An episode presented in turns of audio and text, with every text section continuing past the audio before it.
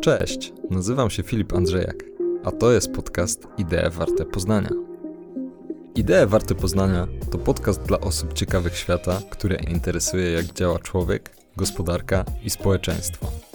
To podany w przystępnej formie obraz otaczającej nas rzeczywistości, widziany oczami myślicieli, naukowców, badaczy oraz ekspertów z różnych dziedzin wiedzy. Możesz się tutaj spodziewać rozmów z ciekawymi gośćmi, a od czasu do czasu także materiałów solowych, w których szerzej omawiam wybraną tematykę. Dzięki za obecność i zapraszam do słuchania.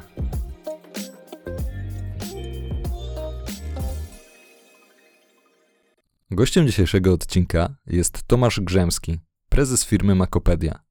Tomek to prawdziwy pasjonat nowych technologii, który na co dzień wspiera klientów w procesie cyfrowej transformacji oraz rozwija zaawansowane produkty cyfrowe od e-commerce po magazynowanie.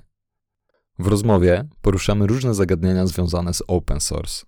Omawiamy motywację do tworzenia tego typu rozwiązań, plusy i minusy korzystania z open source, czy też mity z tym związane.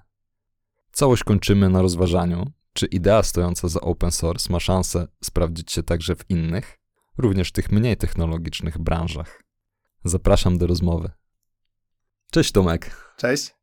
Zaprosiłem Cię tutaj, żebyśmy porozmawiali sobie na temat open source. Zacznijmy konkretnie, ponieważ dla wielu osób ten temat może być e, może trochę abstrakcyjny, a może trochę enigmatyczny. Gdybyś mógł wytłumaczyć, czym tak właściwie jest open source.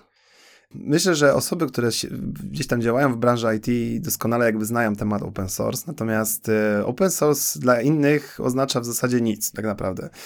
Tłumaczenie polskie jest proste, jest to po prostu otwarty kod źródłowy, ale ja bym to nawet nazwał, że to nie tyle co nawet kod źródłowy, co to jest po prostu otwarty projekt. To jest od, y, zwolniony z licencji, takiej płatnej licencji, tak? To z licencji darmowej. I to jest jakby je, jedna informacja tylko i wyłącznie, taka informacja formalna, ale, ale z tym jakby rzeczą wiąże się to, że tak naprawdę e, open source to jest pewna jakby filozofia tworzenia czegoś dla innych. To jest kwestia tego, że każdy z nas na co dzień korzysta z tak dużej ilości oprogramowania, czy urządzeń, czy, czy nawet z jakichś innych elementów, które jakby wiążą się z open source'em, że brak tej świadomości w dzisiejszym konsumpcyjnym świecie jakby yy, no nie ułatwia. I chciałbym dzisiaj wam o tym powiedzieć, mhm. szczególnie dla osób, które jakby pierwszy raz o tym słyszą. I myślę, że to będzie szalenie interesująca historia do powiedzenia.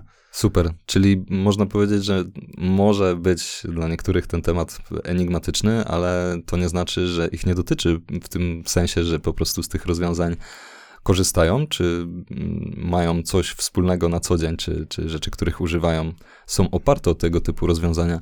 A czy mógłbyś właśnie opowiedzieć, dać jakieś przykłady takich y, No myślę, rzeczy? że myślę, że taki najbardziej popularny przykład, który pewnie każdy zna, no to jest chociażby system Android, tak? Czyli, mhm. dru, y, czyli platforma w zasadzie numer jeden na świecie, jeśli chodzi o system operacyjny w telefonach. Jak macie telefon Samsunga, czy macie telefon y, LG, czy jakiejś innej firmy, nie promując oczywiście tutaj, to macie na pewno wdrożone, e, macie Androida, tak? Android to też jest Android Auto, czyli w samochodzie na wyświetlaczu pojawia się ekran telefonu.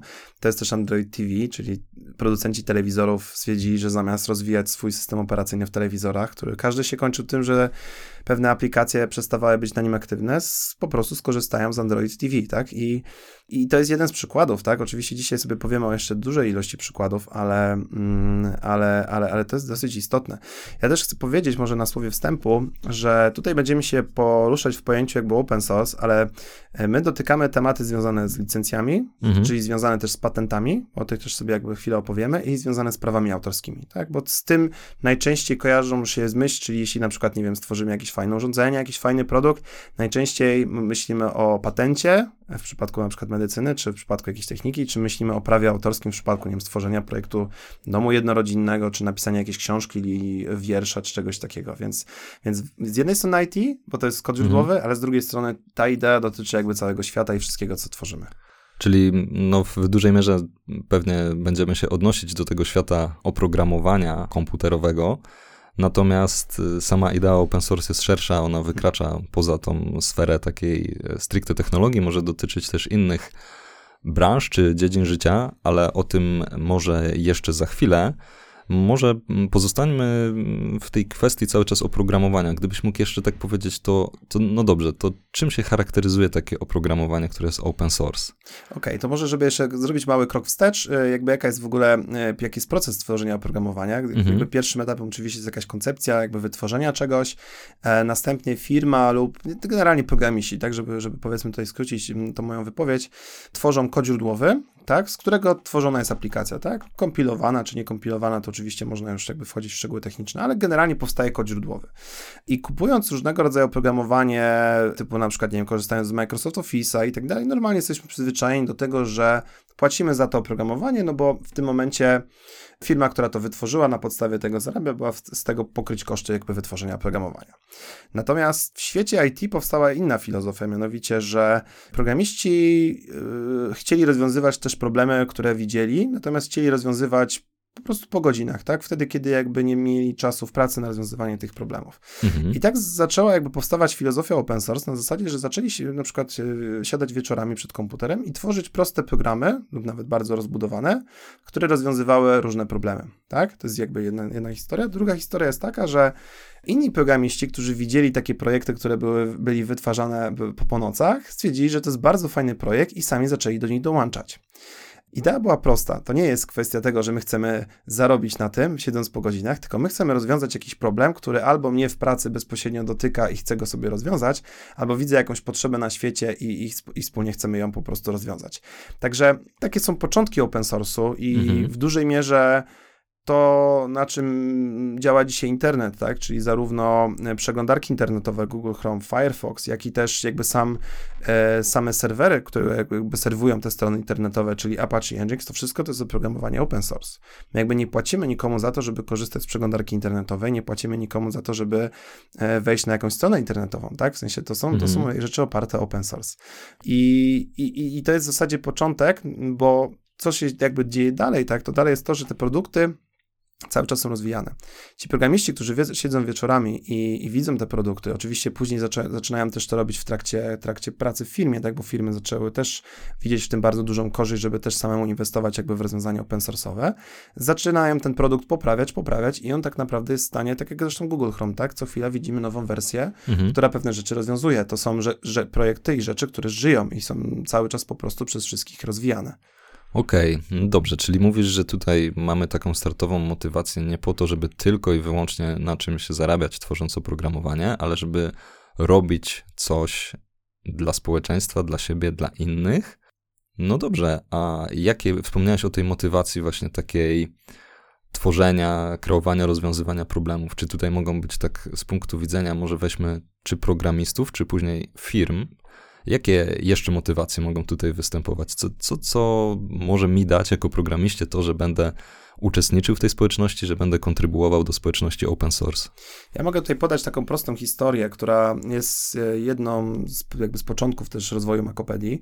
Kiedy tworzyliśmy jakby naszą firmę, byliśmy jeszcze na studiach i szukaliśmy e, mentoringu, po prostu osób, które, które, które są w stanie nam pomóc w tym, co robimy, nauczyć nas, tak, no bo wiadomo, że uczenie się na uczenie techniczne, ja akurat kończyłem Politechnikę w Poznaniu Wydział Informatyki, to była nauka dosyć e, teoretyczna z elementami praktyki, natomiast brakowało nam takiej, takiej dużej praktyki ze świata. I, mhm. i, to, I to był dla nas też początek poszukiwania właśnie open source'u.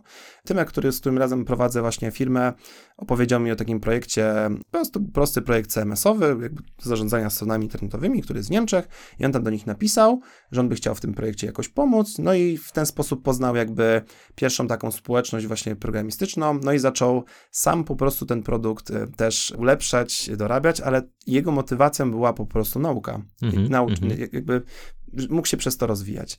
I teraz myślę, że mm, jedną z dużych też właśnie takich elementów open source jest to, że programiści, którzy na przykład na co dzień są częścią jakiegoś wielkiego projektu i tak naprawdę na co dzień no oczywiście no, można powiedzieć ich praca jest duża, ale często niezauważalna, tak, no bo, mhm. bo jest to jakiś ewentualnie moduł w jakimś dużym systemie, mogą się właśnie wykazać w open source, że zaczynają tworzyć rzeczy, które które są niezwiązane z ich pracą, czy z ich nawet stakiem technologicznym, tylko po prostu mogą się nauczyć czegoś nowego.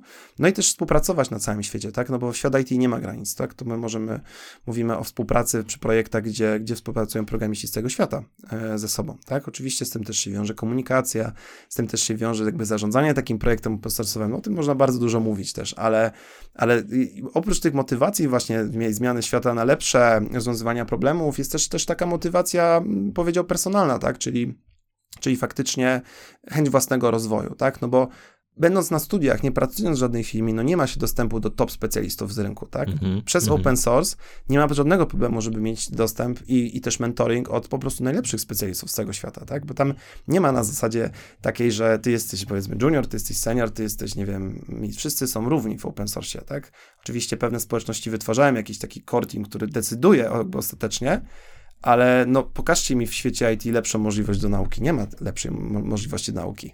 Czyli to jest też możliwość, żeby nauczyć się czegoś, podnieść swoje kompetencje, sprawdzić się w praktyce, tworząc coś realnego, coś, co inni używają, jednocześnie dostawać też feedback od tych bardziej tak. doświadczonych. Feedback, code review, czyli przegląd mhm. kodu programistycznego, przegląd swoich rozwiązań. To, co mi się najbardziej w tym wszystkim podoba, że, y, że tak jak y, często się rozmawia o tym, że dzisiaj trzeba chcieć, tak? To jakby w tym naszym dzisiejszym świecie, bo, bo wszystko pozostałe jest. Mamy komputer, mamy dostęp do internetu, mamy narzędzia programistyczne na komputerze, one są za darmo w większości.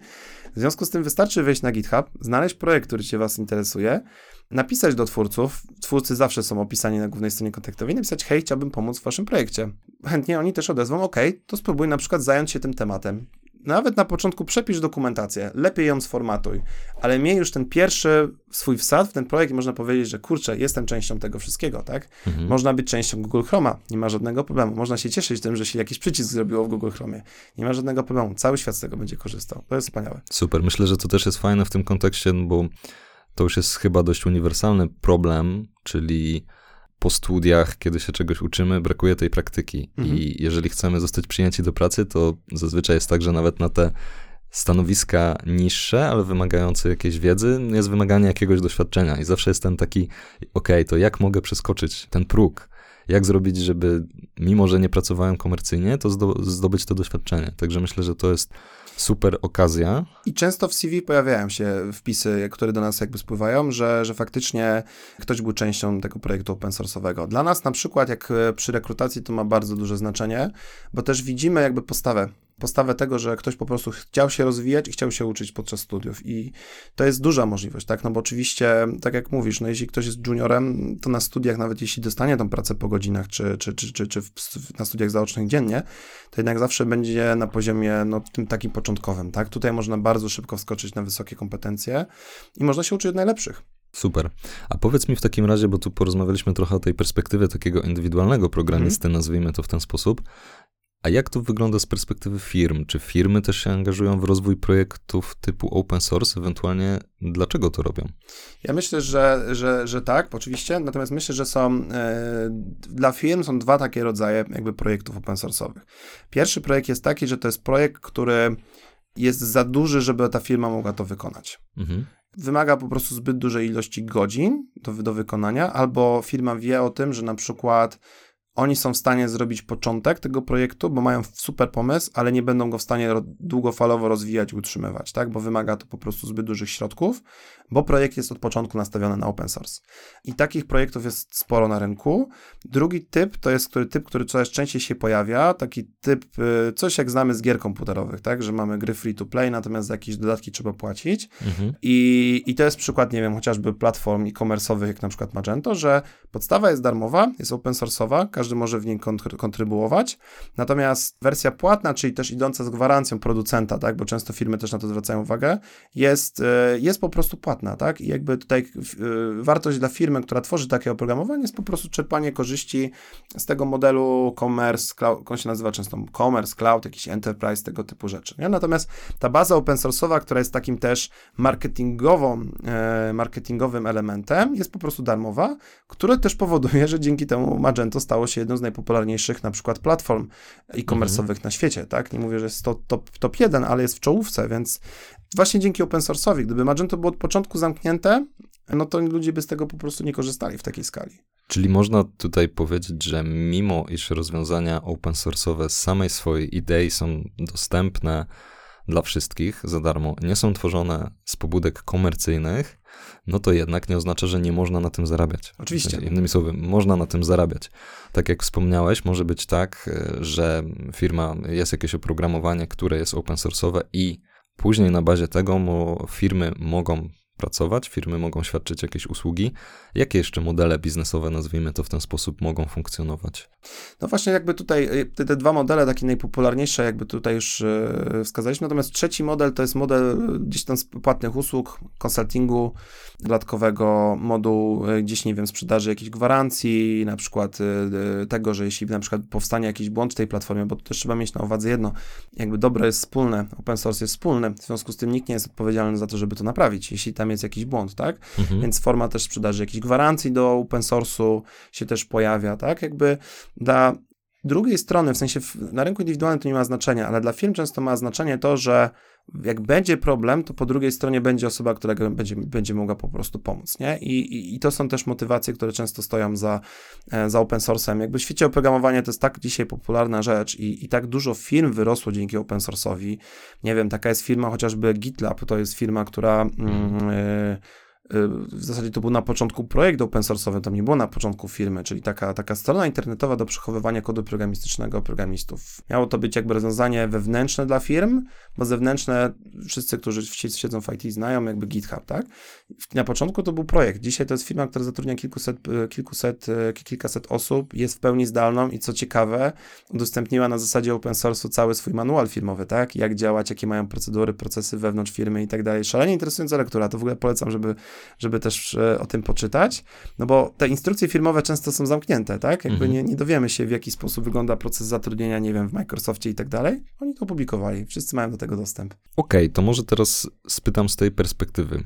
To załóżmy, że jestem e, firmą, która chce wdrożyć jakiś projekt i zastanawia się nad tym, żeby skorzystać z open source, to czy warto, jakie są zalety korzystania tak z punktu widzenia firmy wdrażającej jakieś rozwiązania, usprawniające jej procesy na przykład, czy jakieś robiące nowe rzeczy po prostu dla organizacji? Ja myślę, że open source y, jest doskonałą jakby bazą do budowania czegoś więcej. Czyli w momencie, w którym faktycznie myślimy o e-commerce, który będzie bardzo niestandardowy, a nawet będzie powiedzmy standardowy, ale wiemy, że dużo rzeczy musimy rozbudować, to open source daje nam tą bazę.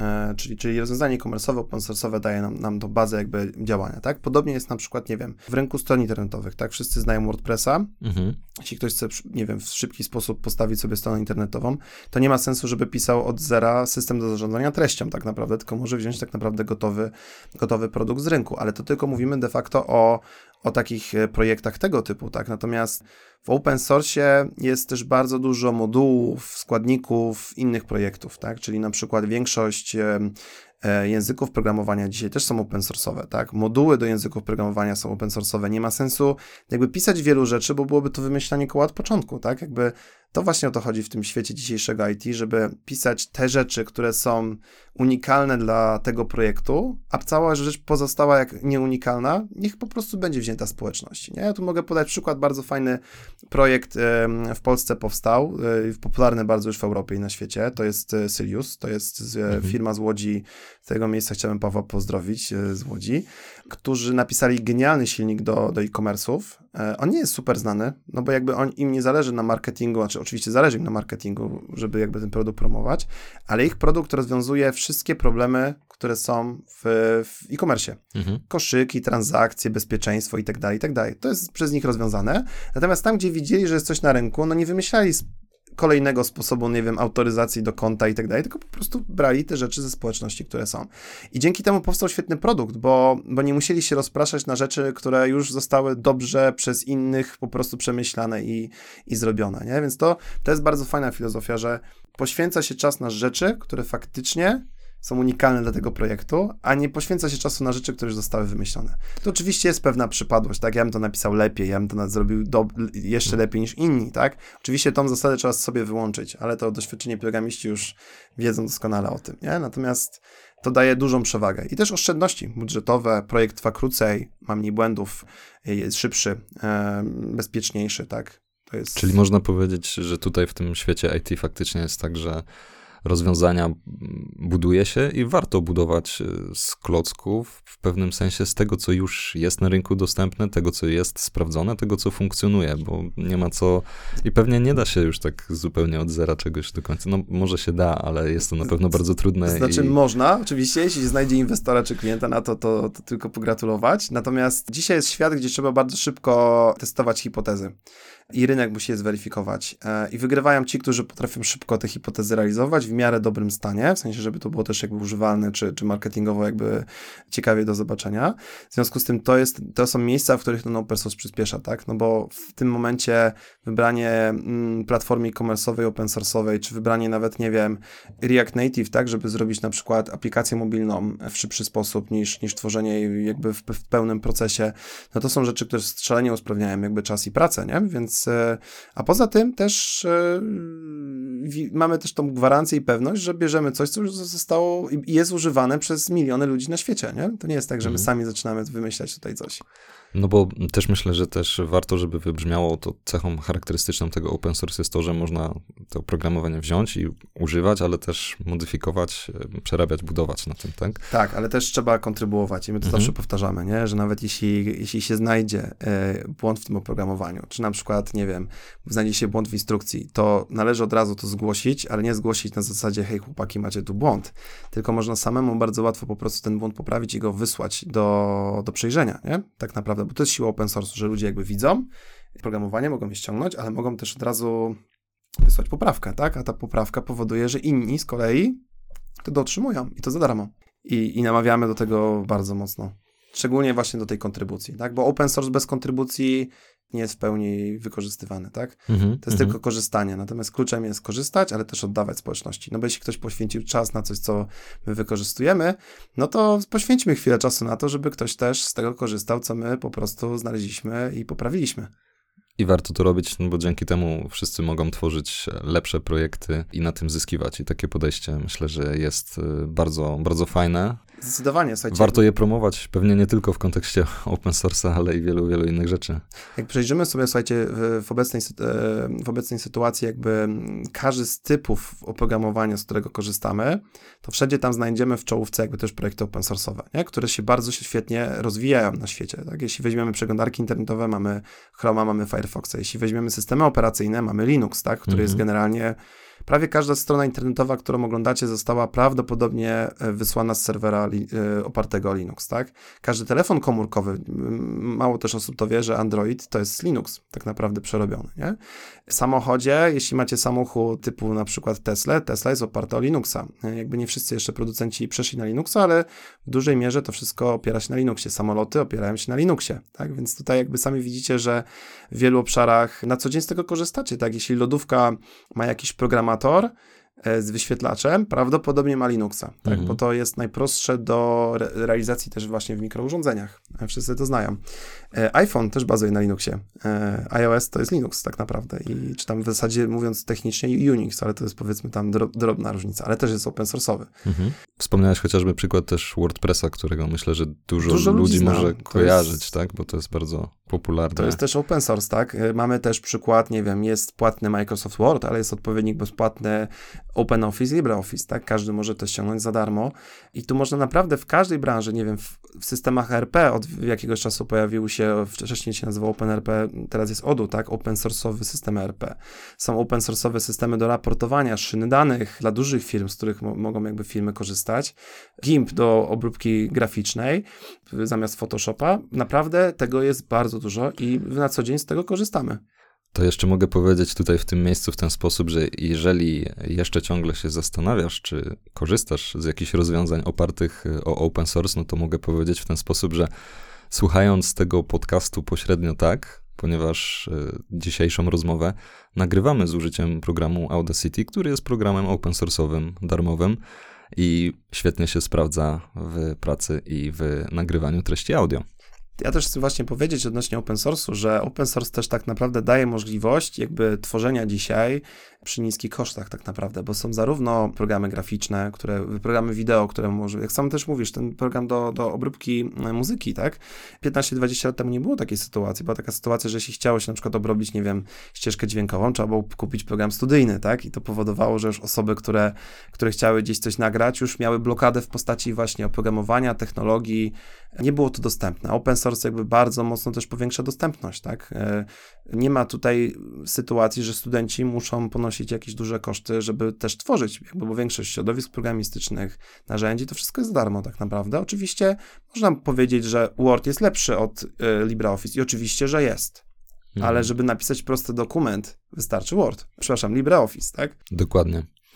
No dobrze, to może w tym miejscu zróbmy takie małe podsumowanie. Gdybyś miał tak e, zebrać w kilku zdaniach wszystkie zalety oprogramowania open source, gdybyś miał je tak zebrać, zebrać do kupy. Myślę, że tak. Najważniejsza rzecz to jest to, że mamy dostęp do, do kodu źródłowego i do, do jakby aplikacji, narzędzi, z których korzystają jakby setki milionów ludzi na świecie. I to za darmo, tak? To jest jakby pierwsza, najważniejsza rzecz.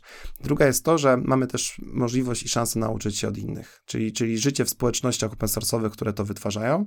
Często w społecznościach e, też pojawiają się tak zwane meetupy, czyli generalnie mhm. zloty zwolenników tych technologii, czy tak naprawdę kolejne pojęcie, które warto powiedzieć, czyli code sprinty, czyli miejsce, gdzie um, programiści danej technologii czy y, narzędzia czegoś razem się spotykają i przez na przykład kilka dni coś programują. My jesteśmy w wielu takich społecznościach, sami też e, jeździmy na takie spotkania po całej Europie czy po całym świecie, gdzie też po prostu kontrybuujemy podczas tych spotkań.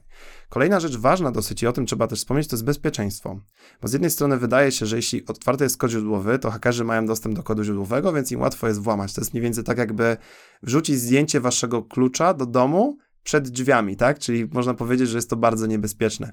Ale z drugiej strony to pokazuje, że te zabezpieczenia muszą być tak dobre, że przy otwartym kodzie źródłowym nikt nie jest się w stanie dostać. Czyli tak naprawdę ta kombinacja waszego prywatnego loginu i hasła wystarczy mhm. do tego, żeby to oprogramowanie było bezpieczne, tak? Tego w małych platformach pisanych e, przez ludzi, którzy są skupieni na produkcie, no nie będą nigdy super skupieni na bezpieczeństwie, tak? Więc to też jest jakby wielka idea open source'u zapewniająca bezpieczeństwo, tak? Czyli paradoksalnie to oprogramowanie, które jest otwarte i każdy może zobaczyć, z czego się składa, tak?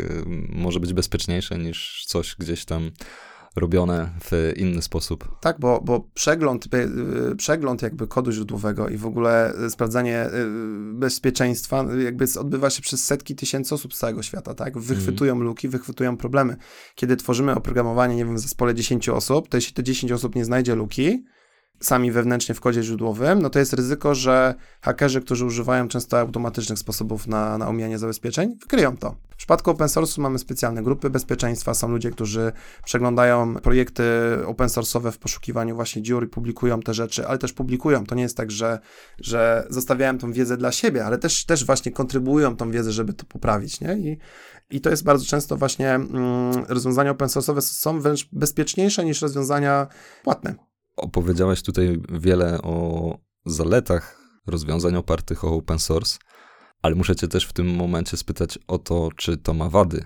Jakie są wady oprogramowania opartego o open source? Znaczy myślę, że wadą taką podstawową jest to, że mm, trzeba mieć na uwadze jedno, że to będą zawsze projekty uboższe, jeśli chodzi o funkcjonalność od tych wersji komercyjnych. Tutaj szczególnie podałem ten przykład firm, które wytwarzają oprogramowanie, nie wiem, my na przykład jako Makopedia wdrażamy e, PIMy, tak, czyli to są systemy do zarządzania produktem. Wdrażamy system Akaneo i Akaneo występuje w wersji open source. Każdy z Was może to wejść dzisiaj na GitHub Akaneo, zainstalować i z tego korzystać i w wersji płatnej. Wersja płatna ma praktycznie wszystkie funkcjonalności, które, które potrzebujecie, wersja bezpłatna ich nie ma, więc wadą jakby tutaj jest podstawową to, że faktycznie nie zawsze dostajemy te funkcjonalności wszystkie, które byśmy chcieli, tak? Czy tak samo też mhm. czasami produkty mogą być uboższe, gorsze niż inne jakby rynkowe odpowiedniki komercyjne, przykład GIMP i Photoshop, tak? No, nikt nie powie, że GIMP jest lepszy od Photoshopa. No, jest to projekt open source'owy i, i, i, to się czuje. Natomiast y, z drugiej strony moglibyśmy w ogóle nie mieć tego produktu za darmo, tak? Moglibyśmy tylko być postawieni przed faktem, że mamy tylko wersję płatną i nie moglibyśmy z tego korzystać, więc myśląc nad tą wadą tak naprawdę, no trzeba też to brać pod uwagę, nie? I to są, to są w mojej ocenie jakby dwa, dwa jakby główne, dwie główne podstawowe wady open source'u, kolejnych trudno jest skazać. Mhm. Tak? No bo... A co myślisz o tym, no bo też można by się tutaj zacząć zastanawiać, okej, okay, mm, może to z mojego punktu widzenia, może to jest trudniejsze do użytkowania, mhm. trudniejsze do wdrożenia, tak? No bo jeżeli ja kupuję coś od jakiejś firmy, która to przygotowała, no to teoretycznie powinno jej zależeć już, tak, żeby to było takie sprawne, żebym z tego korzystał i tak dalej, i tak dalej. A tutaj jednak z punktu widzenia, nie wiem, firmy, która chce wdrożyć, no to pewnie potrzebuje też jakąś większą wiedzę, żeby wejść, korzystać z tych rozwiązań w odpowiedni sposób? Z jednej strony to może być wada, ale trzeba pamiętać też z drugiej strony, że yy, nie, nie, nie zapłaciłeś za licencję, tak? Mhm. Czyli, czyli jakby dostajesz coś za darmo, więc Czyli rachunek zysków i strat tutaj trzeba do... zważyć pewnie. Dokładnie, warto to zważyć, tym bardziej, że przeznaczając budżet na licencję, na wdrożenie tak naprawdę jakiegoś rozwiązania jakby u siebie w firmie, no możesz z tego korzystać więcej. Na, na Persaldo może wyjść dużo większa korzyść tak naprawdę w modelu open source'owym. I też dlatego na przykład e, bardzo dużo projektów, szczególnie w obszarze webowym, bazuje na rozwiązaniach open source'owych, tak? No bo to, to nie jest tak, że się kupi produkt w przykładowo z, z platformę e-commerce'ową i ona od pierwszego dnia będzie działała. Nawet te gotowe wymagają poprawy, na przykład, nie wiem, kolorów pod firmę mm. of CI, prowadzenia produktów, konfiguracji. Natomiast firmom, którym zależy na kompletnie jakby własnym designie i tak dalej, no stoją przed faktem jakby dużego wdrożenia, tak? Więc tak czy siak jakby te, to wdrożenie musi nastąpić, nie? No wadą jest na pewno to, że nie mamy gwarancji, tak, e, producenta. To czasami jest przeszkodą w dużych koncernach, tak, gdzie mhm. duży koncern mówi wprost, nie mamy gwarancji, to nie może mieć te dane rozwiązania open source'owe. Ale to jest oczywiście często oficjalna jakby um, oficjalny komunikat. Nieoficjalnie i tak korzystają z dużej ilości open source'owych rozwiązań. Natomiast często w przetargach porównując jakby dwa, dwie platformy jakby zwraca się uwagę na to, że ten produkt może nie mieć gwarancji na core, czyli na, na to, co zostało dostarczone przez po prostu społeczność. No bo taka jest zasada. Mhm, Korzystamy mhm. za darmo, to trudno jakby wymagać, że ktoś nam będzie to w jakiś, nie wiem, wysokim SLA poprawiał, nie wiem, w dniu jutrzejszym, tak, od razu dostarczał dostaniemy poprawkę.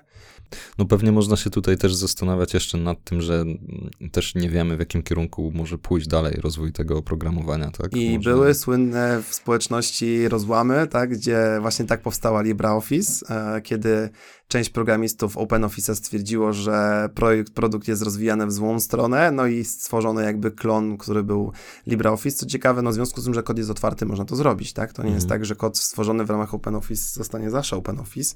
Um, była też taki rozłam, to już taki bardziej można powiedzieć niszowy, ale Jenkins i Hudson też był taki rozłam.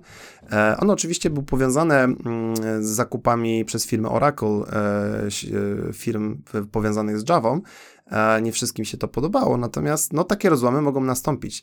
Pytanie, co z tych rozłamów dalej powstanie, tak? Bo, bo często te rozłamy powodują też dobre rzeczy. I pamiętajcie, że to są ludzie, którzy tworzą to, to, to, mhm. ten software. To nie jest tak, że ten software sam w sobie jest dobry, więc, więc e, ta dyskusja jest często ważna. Tutaj też, żebyście wiedzieli, jak mniej więcej to się odbywa, mm, to wokół projektów open source'owych zazwyczaj jest ten core team. I to jest taka powiedzmy grupa kilku lub kilkunastu deweloperów, którzy decydują o kluczowych zmianach. Co ciekawe, w WordPressie jest jedna osoba, która decyduje. Stąd nie wszystkim się to podoba, ale. To bardzo ciekawe. Bardzo ciekawe, tak. Dzisiaj jedna osoba i tam jakby tylko pomysły tej jednej osoby są realizowane, ale na przykład w wielu społecznościach jest to, jedna, jest to kilkanaście osób. Są specjalne jakby procedury wdrożone, jakby jaki kod może się znaleźć, jaki kod nie może się znaleźć na przykład na, na, na produkcji. Są też bardzo często sponsorzy w społeczności, to też warto wspomnieć o tym, mm -hmm. że mhm. są firmy, które e, sponsorują projekt open source'owy i z tych pieniędzy na przykład można opłacić e, programistom przeloty, czas, e, hotel na to, żeby przylecieć na jakieś spotkanie właśnie związane z przygotowywaniem mm, całego programu, czy też nawet po prostu płacić programistów, żeby wytworzyć jakieś kluczowe rzeczy dla, dla, dla danego środowiska. Także to też jest model sponsoringu tutaj rozmawialiśmy dzisiaj o tym, o tym też warto, warto pamiętać, że też firmy same sponsorują, jeśli z tego korzystają. Mhm, mhm. No to myślę, że bardzo ciekawy też wątek. Coraz bardziej nam się tutaj rozszerzają te wątki. Mhm. Jak widać, to jest ogromny a świat. A jesteśmy tylko w świecie IT, ale też chcemy tak, wyjść poza niego, tak. tak, dzisiaj. Ale to może zanim jeszcze wyjdziemy poza ten świat y, IT, to zapytam cię inaczej, bo pracujesz na co dzień z klientami, pracujesz na co dzień z technologiami opartymi o oprogramowanie open source. Gdybyś miał tak powiedzieć, to jakie są może mity, czy nieporozumienia, czy, czy wiedza tak praktycznie, czy, czy takie rzeczy funkcjonują na rynku, czy może klienci przychodzą z jakimiś mitami? Ja myślę, z że... jakimś sposobem myślenia, który no nie jest do końca w stosunku do open source prawidłowy? Ja myślę, że dużym zaskoczeniem dla klientów jest to, że że jakby wybierając technologię, wiedzą, przykładowo wybierając, nie wiem, czy Magento jako platformę e-commerce'ową, czy Typo 3 jako platformę CMS-ową, czy Odo jako system RP, czy tam Akeno, o którym wspomniałem, z jednej strony wiedzą, że to jest za darmo, tak? Jakby, no bo widzą, że tam jest download for free i tak dalej, jakby na stronie, że jest Community Edition. Natomiast w momencie, kiedy my przechodzimy faktycznie do umowy, i to najczęściej się na etapie umowy pojawia, i właśnie kwestia jest tam praw autorskich, tego, jak mniej więcej wygląda, na co też dajemy gwarancję, to nagle jest wielkie zdziwienie, no ale przecież, przecież tam jest gwarancja. A mówimy, no nie słuchajcie, no nie, no jeśli bierzemy coś za darmo, to tam nie ma gwarancji, w sensie gwarancji my też nie możemy dać na coś, co my nie stworzyliśmy. I to jest, mam wrażenie, pierwsze i główne zderzenie tak naprawdę klientów z open source'em, nie? Mhm. że jakby zapominają o tym, że na początku wybierając technologię darmową, że na końcu jakby no, to jest pewna konsekwencja, nie, nie, nie, nie, nie ma gwarancji. Natomiast ja też zawsze uspokajam, tak, tych zgłoszeń gwarancyjnych, które dotyczą samego koru jest naprawdę niewiele i to są pojedyncze e, środki i też zawsze, zawsze o tym mówię, tak, jeśli my to naprawimy na koszt naszego klienta, to my to upewnimy się, że to trafi do społeczności, że inne firmy, takie jak, jak, jak, jak firma, która nas przyszła, też z tego skorzystają, z tego, z tego, z tej łatki, z tego patcha, który wytwarzamy, mm. tak? I ja to, to zawsze mówię, to jest wasza kontrybucja. Bierzecie za darmo, ale to kontrybujcie to, że jeśli znajdziemy błąd, który nie jest naszym błędem, tylko jest błędem jakby platformy, to my go poprawimy chętnie, no ale jakby oddajmy to też społeczności, żeby to było, żeby to było dla innych. I to jest, i to jest mam wrażenie, mm, główne zderzenie klientów, bo klienci jakby wiedzą, że ten produkt jest za darmo i wiedzą, że my jakby z tego produktu zrobimy dla nich dostosowany produkt. Często też jest tak, i to w przypadku oprogramowania e, ODORP, który też mamy na pokładzie, że ludziom się wtedy kojarzy, że jak coś jest za darmo, to będzie tanie tak naprawdę, tak? Takie, czyli jeśli my wdrożenie oprzemy o, o produkt open source'owy, to wszystko tam jest i tam będzie tanio, tak? No niestety tak nie jest, tak? To w przypadku tworzenia oprogramowania w oparciu o open source to yy, Oczywiście nie mamy kosztów licencyjnych, ale to nie powoduje, że możemy coś super taniego dzięki temu kupić. To, to, to jest taka, takie. Natomiast najczęściej się pojawia pierwszy temat i to temat na, na poziomie często nawet nie project managerów czy product ownerów ze strony klientów, ale właśnie działu prawnego i, i, i, i, i działu zakupów, tak? Gdzie jest duże zdziwienie. To jak, nie ma gwarancji na core? No mhm. No nie ma. No to jest, e, to jest, to jest to, gdzie korzystacie z open source'u, nie? To jest ta cecha, która jest wpisana w open source. Tak. Mhm.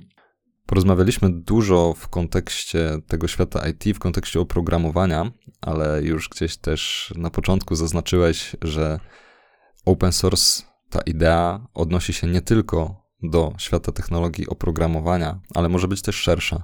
No co przez to rozumiesz? Gdzie jeszcze może funkcjonować open source? Czy ja bym podał przykład, który był dosyć głośno chyba nawet w polskiej, w polskiej telewizji pokazywany. To był przykład e, związany jakby z koronawirusem i przykład Politechniki chyba bodajże włoskiej, która połączyła dwa produkty, czyli podłączyła produkt w postaci, chyba to były aparaty CPAP, takie nadciśnieniowe do leczenia właśnie mm, bezdechu chyba sennego i połączyło fakt, że Decathlon wyprodukował masę masek takich do nurkowania, mhm. których nie mogli sprzedać, no bo wiedzieli, że ten sezon się tak naprawdę nie uda i brakowało jedne, jednego elementu, żeby te, te dwa produkty połączyć, żeby rozwiązać pro, problem z respiratorami, tak, no bo po początku COVID-u ich nie było.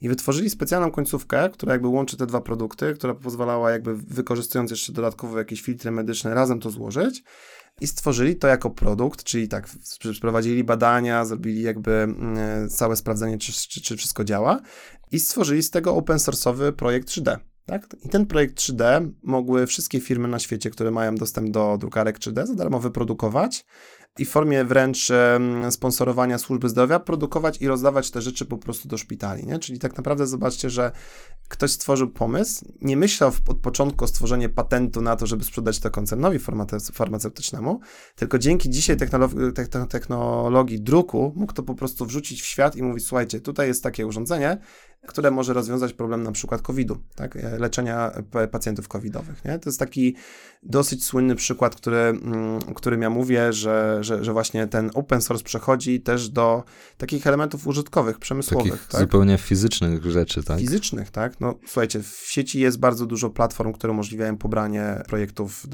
3D do drukarek, tak. Wszelkiego rodzaju, nie wiem, uchwyty, podstawki, jakieś dodatki do samochodów, nie wiem, jakieś uchwyty do komputerów, meble. Tego jest bardzo dużo, nie? Czyli twórcy nie myślą o tym, żeby sprzedać, tylko myślą o to, żeby zróbmy coś fajnego i udostępnij to w społeczności. Myślę, że takim ciekawym przykładem jest też jakby w ogóle początek szczepionek covidowych, to też mhm. taki temat na czasie, gdzie e, Chińczycy, którzy w laboratorium udało im się jakby cały ten DNA pewnie ktoś, kto nas słucha, jakby będąc specjalistą, powie, że, że, że zrobiliśmy tu błąd merytoryczny, za co serdecznie przepraszamy, ale w każdym razie cały, cały jakby kod źródłowy DNA y, wirusa, y, wirusa covidowego i udostępnili to w sieci, tak? W sensie i to pozwoliło wszystkim koncernom, które tak naprawdę, czy, czy też jakby uczelniom tak naprawdę na podstawie tego przygotować szczepionki. Mogli oczywiście tego nie zrobić, powiedzieć, że to jest nasza wewnętrzna wiedza i tego nie udostępnić, a zobaczcie, jak dużo dzięki temu właśnie podejściu, że chcemy to e, udostępnić wszystkim, spowodowało, że jakby inni mieli do tego, do tego dostęp. Tu oczywiście też można mówić o lekach, o medycynie, tak? Dzisiaj każdy koncern to się oczywiście wiąże z gigantycznymi inwestycjami na stworzenie leku, na wszystkie fazy badań i tak dalej.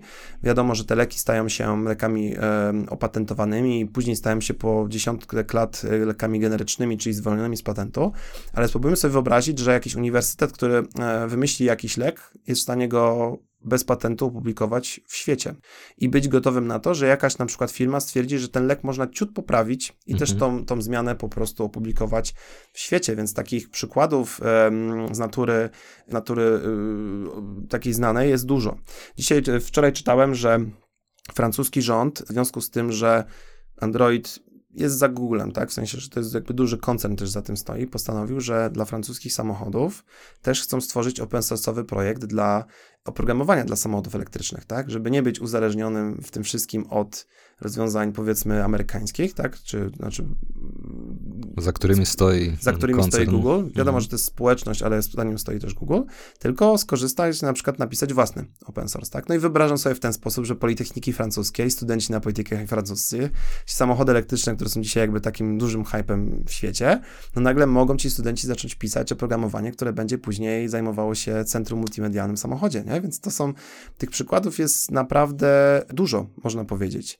Ja myślę, że też warto wspomnieć o, o tym w zakresie open source'u, też o takich wydarzeniach światowych, bo y, dużo teraz się mówi o tym, nie wiem, kiedy pod koniec chyba maja jakoś przypada moment, gdzie trzeba zaakceptować nowy regulamin WhatsAppa, tak? Jest jakiś, jakaś taka data się pojawiła. Mhm, nie, czyli nie, takiego znanego komunikatora, z którego być może e, tak, korzystacie, bynajmniej nie no. open source'owego. No i jakby nie wszystkim, wszyscy zgadzają się z tym komunikatorem. Oczywiście nie chcemy tu wchodzić w wątek dzisiaj jakby prywatności, dzisiaj naszych który sieci, też jeszcze, jest... jeszcze powiedzmy, który też należy do Facebooka. Tak, tak, tak, tak, tak, tak. I myślę, że tutaj nie należy dzisiaj w tą dyskusję wchodzić, bo to jest dłuższa dyskusja, pewnie osobny podcast specjalistą od tego.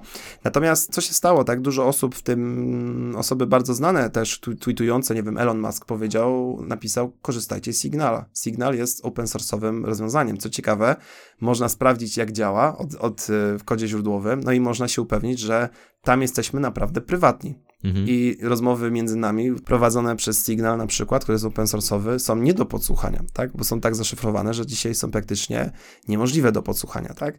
I to jest taka funkcja w świecie dzisiejszym, tak? Czyli w świecie, gdzie, gdzie wszystko jest czyjeś, gdzie każdy chce mieć kontrolę nad, nad tymi naszymi danymi, a wiadomo, że dane są największą dzisiaj wartością w dzisiejszym świecie.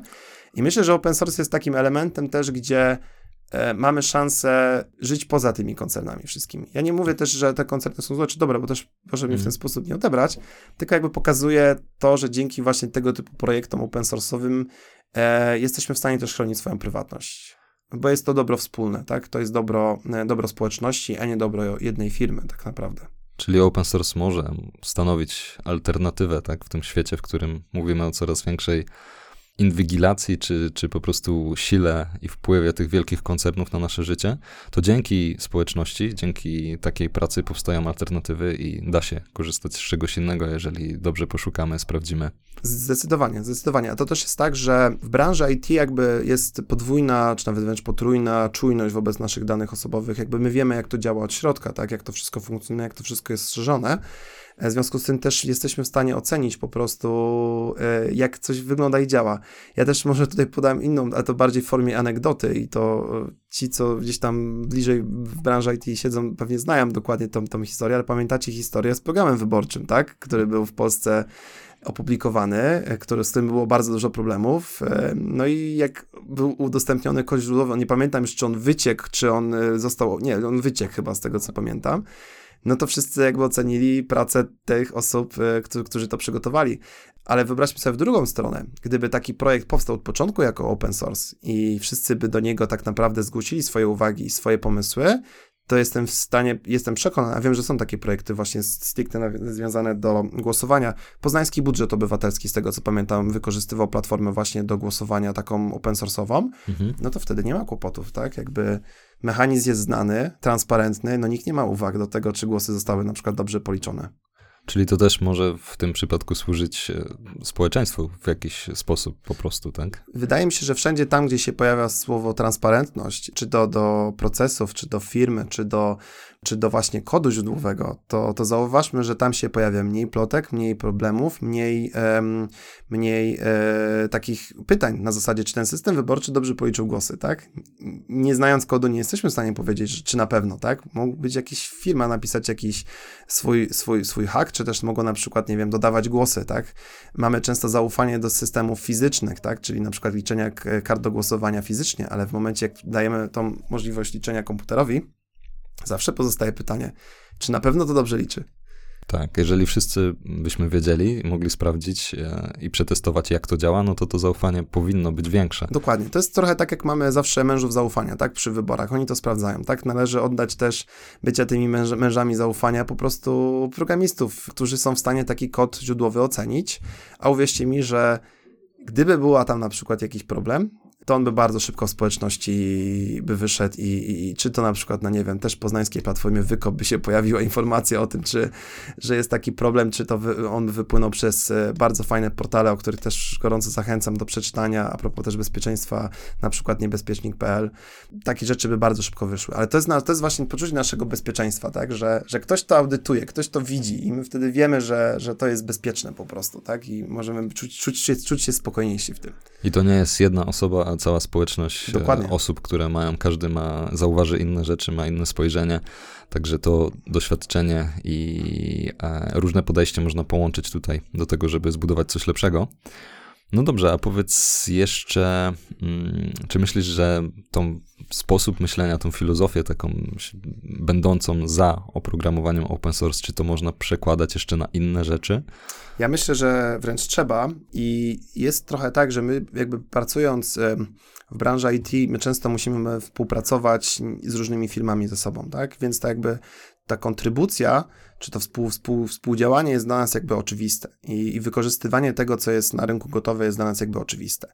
W innych branżach to nie jest takie oczywiste. E, nie wiem, w branży pra prawnej, tak, prawniczej, każdy prawnik napisze od zera swoją umowę. Wiadomo, są jakieś szablony i tak dalej, czy płatne, czy bezpłatne. Natomiast e, wyobrażam sobie taką jakby ideę, tak, stwórzmy na przykład open source'ową polską umowę o pracę, tak, która będzie zawierała wszystkie możliwe układy, szablony, ona będzie za darmo, tak, każdy tą umowę potrzebuje, każda firma prawnicza musi współpracować ze swoim klientem, natomiast nie obciąża w tym momencie za to, że po prostu ktoś przygotuje umowę, czy to mhm. prawną, czy to, nie wiem, na zakup domu, na zakup nieruchomości i tak dalej. To powinny być w mojej ocenie otwarte szablony, a osoby, które przygotowują takie umowy, czy, czy też jakby współpracują z firmą, powinny tylko i wyłącznie jakby pobierać wynagrodzenie za te modyfikacje tego, co jest de facto takim przyjętym standardem, przepracowanym przez wielu prawników, tak? Z różnych stron spojrzeli na różny problem. Wiadomo, że prawo to też jest interpretacja. W tym przypadku dużo osób spojrzy na interpretację. Nie wiem, architekci, tak? Są oczywiście z jednej strony normy w budownictwie, ale z drugiej strony dlaczego by nie tworzyć na przykład open source'owych projektów domów jednorodzinnych? E, dzisiaj można kupić dom płatny w jakimś tam katalogu domów jednorodzinnych lub zamówić indywidualny dom na, na zamówienie, ale dlaczego by nie mieć na przykład 20 open source'owych domów po prostu, które są dostępne za darmo w internecie, z których architekt może wziąć i go lekko po prostu przeprojektować. Wiem, że oczywiście tu się narażam wielu osobom, ale tak dokładnie się dzieje w świecie IT, tak naprawdę. Czy wyobrażam sobie, nie wiem, jakaś aparatura medyczna, tak? Kwestia na przykład, nie wiem, jakiś, nie wiem, pulsoksymetr, dać zrobić open source'owy, tak? Oczywiście każda firma może ubrać go w swoją obudowę, swoje logo, ee, natomiast jakby core tej aplikacji, znaczy sam mechanizm tej aplikacji jest po prostu znany wszystkim, tak? No bo wyobraźmy sobie taką sytuację, jeśli 20 firm niezależnych będzie tworzyło pulsoksymetr, to jeśli oni połączą siłę w jedną firmę w zakresie samego urządzenia, tak, w sensie czujnika, mhm. a, a, każdy z nich może to też niezależnie sprzedać, tak, e, współpracując razem, tak. Taka współpraca jakby zawsze niesie ze sobą korzyści. W Polsce sieci e, komórkowe połączyły się razem, jeśli chodzi o nadajniki, tak, żeby też konkurować ofertą, a nie po prostu e, korowymi rzeczami, jakim jest po prostu rozmowa telefoniczna czy zasięg, nie, więc tych przykładów można naprawdę namnażać. Ja myślę, że trochę to jest tak, że przez to, że my współpracujemy z dużą ilością osób, dla nas to jest naturalne. Ale dla wielu branż to nie jest naturalna współpraca, e, nie jest naturalna wymiana informacji. Nie jest też naturalne to, że e, rzeczy, które były tworzone są jakby w świecie cyfrowym, tak? No, mhm. Architekci, mimo że korzystają od wielu lat z AutoCADa, to pojęcie, wiesz, chmur, wymiany, pracy naraz na, na jednym pliku nie były takie rzeczy oczywiste jakby do pewnego momentu, nie? Więc to wszystko się zmienia. Ja myślę, że świat idzie w tą stronę, gdzie rzeczy podstawowe będą w open source, a rzeczy te takie wyjątkowe dla konkretnej firmy nie będą właśnie w open source i to będą te rzeczy, za które my jako po prostu konsumenci będziemy, będziemy płacić. I to ma duży sens, bo to jest jakby z korzyścią dla wszystkich. Mhm. No, czyli można powiedzieć, że mm, warto by było czerpać tutaj z tej idei i zasad funkcjonowania, wdrażać współpracę, bo myślę, że dzięki temu da się po prostu, wszyscy mogą osiągnąć więcej, robić lepsze produkty, dostarczać lepsze rozwiązania i budować wartość e, dostępną dla, dla ogółu, dla ludzi, no ale też generować wartość dla firm.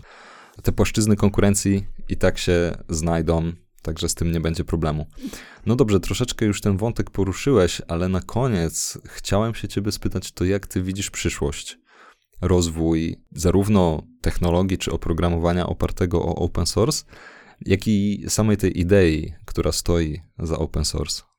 Znaczy myślę, że ta idea będzie mm, dalej się rozwijać, ale też w, w obszarach, których nie do końca my też dzisiaj e, z nich korzystamy, bo e, oczywiście jakby świat dzisiejszych telefonów komórkowych komputerów, e, internetu jest już jakby nam znany, tak? I, I, my już w nim jakby normalnie funkcjonujemy.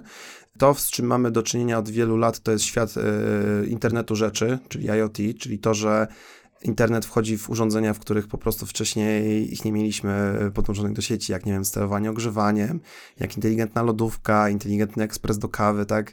Mamy teraz taki moment, że chcemy do wszystkiego mieć apkę, chcemy mieć wszystko jakby sterowane, mówimy mm -hmm. o, o kwestii też smart home, czyli, czyli kwestii połączenia tych wszystkich rzeczy i to jest moment, w którym to się bardzo mocno rozwija i w tym obszarze na przykład to też jest taka kwestia, że po co każdy producent żarówki ma wymyśleć aplikację do sterowania żarówkami, jak na przykład stworzyć, yy, zrobić dobrą żarówkę, wyjątkową, ale całą resztę po prostu oprzeć o open source. Więc jak myślę, że ten świat IoT będzie bardzo mocno szedł w stronę open source'u. Ciekawy jestem właśnie, czy faktycznie w, jakby w rynku inteligentnych domów są pewne już ruchy jakby standardów open source'owych jak Zigbee, to jest protokół do wymiany informacji między urządzeniami, mm, e, bo też protokoły są open source'owe bardzo często, tak? Czyli takie, w jaki sposób dwa urządzenia się mogą komunikować, tak? Mają też mm -hmm, otwarty mm -hmm. kod źródłowy.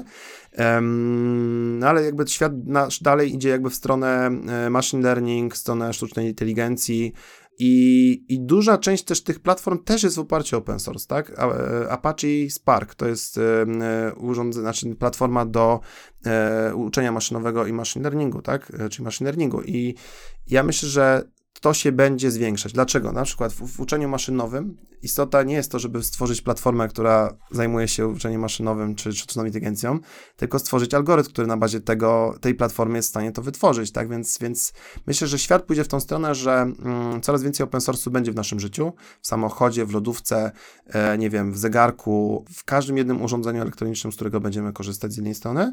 Z drugiej strony liczę na to, że druk cyfrowy, czy, czy, czy, czy jakby rozwój też firm, które na przykład, nie wiem, obrabiarek CNC, popularyzacja tego rozwiązania będzie powodowało, że będziemy mogli sobie znaleźć mebel w internecie i wysłać go do firmy, która nam go po prostu wytworzy, tak? I, i będzie to świat, w którym ta kreatywność nie będzie miała granic, tak? I, i, I, to będzie super świat, w sensie nie będziemy jakby poddani temu, co możemy kupić, tylko jeśli nasz syn stwierdzi, że chce mieć takie biurko, może sobie zaprojektować, ściągnąć z internetu i my jednym mailem, czy zamawiając online'owo jesteśmy w stanie to po prostu uzyskać, nie? Więc to, to jest nasz świat w przysz przyszłości i wydaje mi się, że ten świat będzie bardzo kreatywny. Jeszcze bardziej niż jest teraz. Super. Dziękuję Ci bardzo za dzisiejszą rozmowę i przyjęcie zaproszenia. Również bardzo dziękuję. I to już wszystko w dzisiejszym odcinku. Kolejny pojawi się już niebawem. Zapraszam Cię na stronę internetową ideewartepoznania.pl. Możesz tam się zapisać na powiadomienie o nowym odcinku. Aby dowiedzieć się więcej o kulisach produkcji oraz nadchodzących materiałach, zapraszam Cię do śledzenia mojego profilu w mediach społecznościowych. Znajdziesz mnie na Facebooku, Twitterze oraz LinkedInie pod hasłem Filip Andrzejak. Pozostajemy w kontakcie. Do usłyszenia.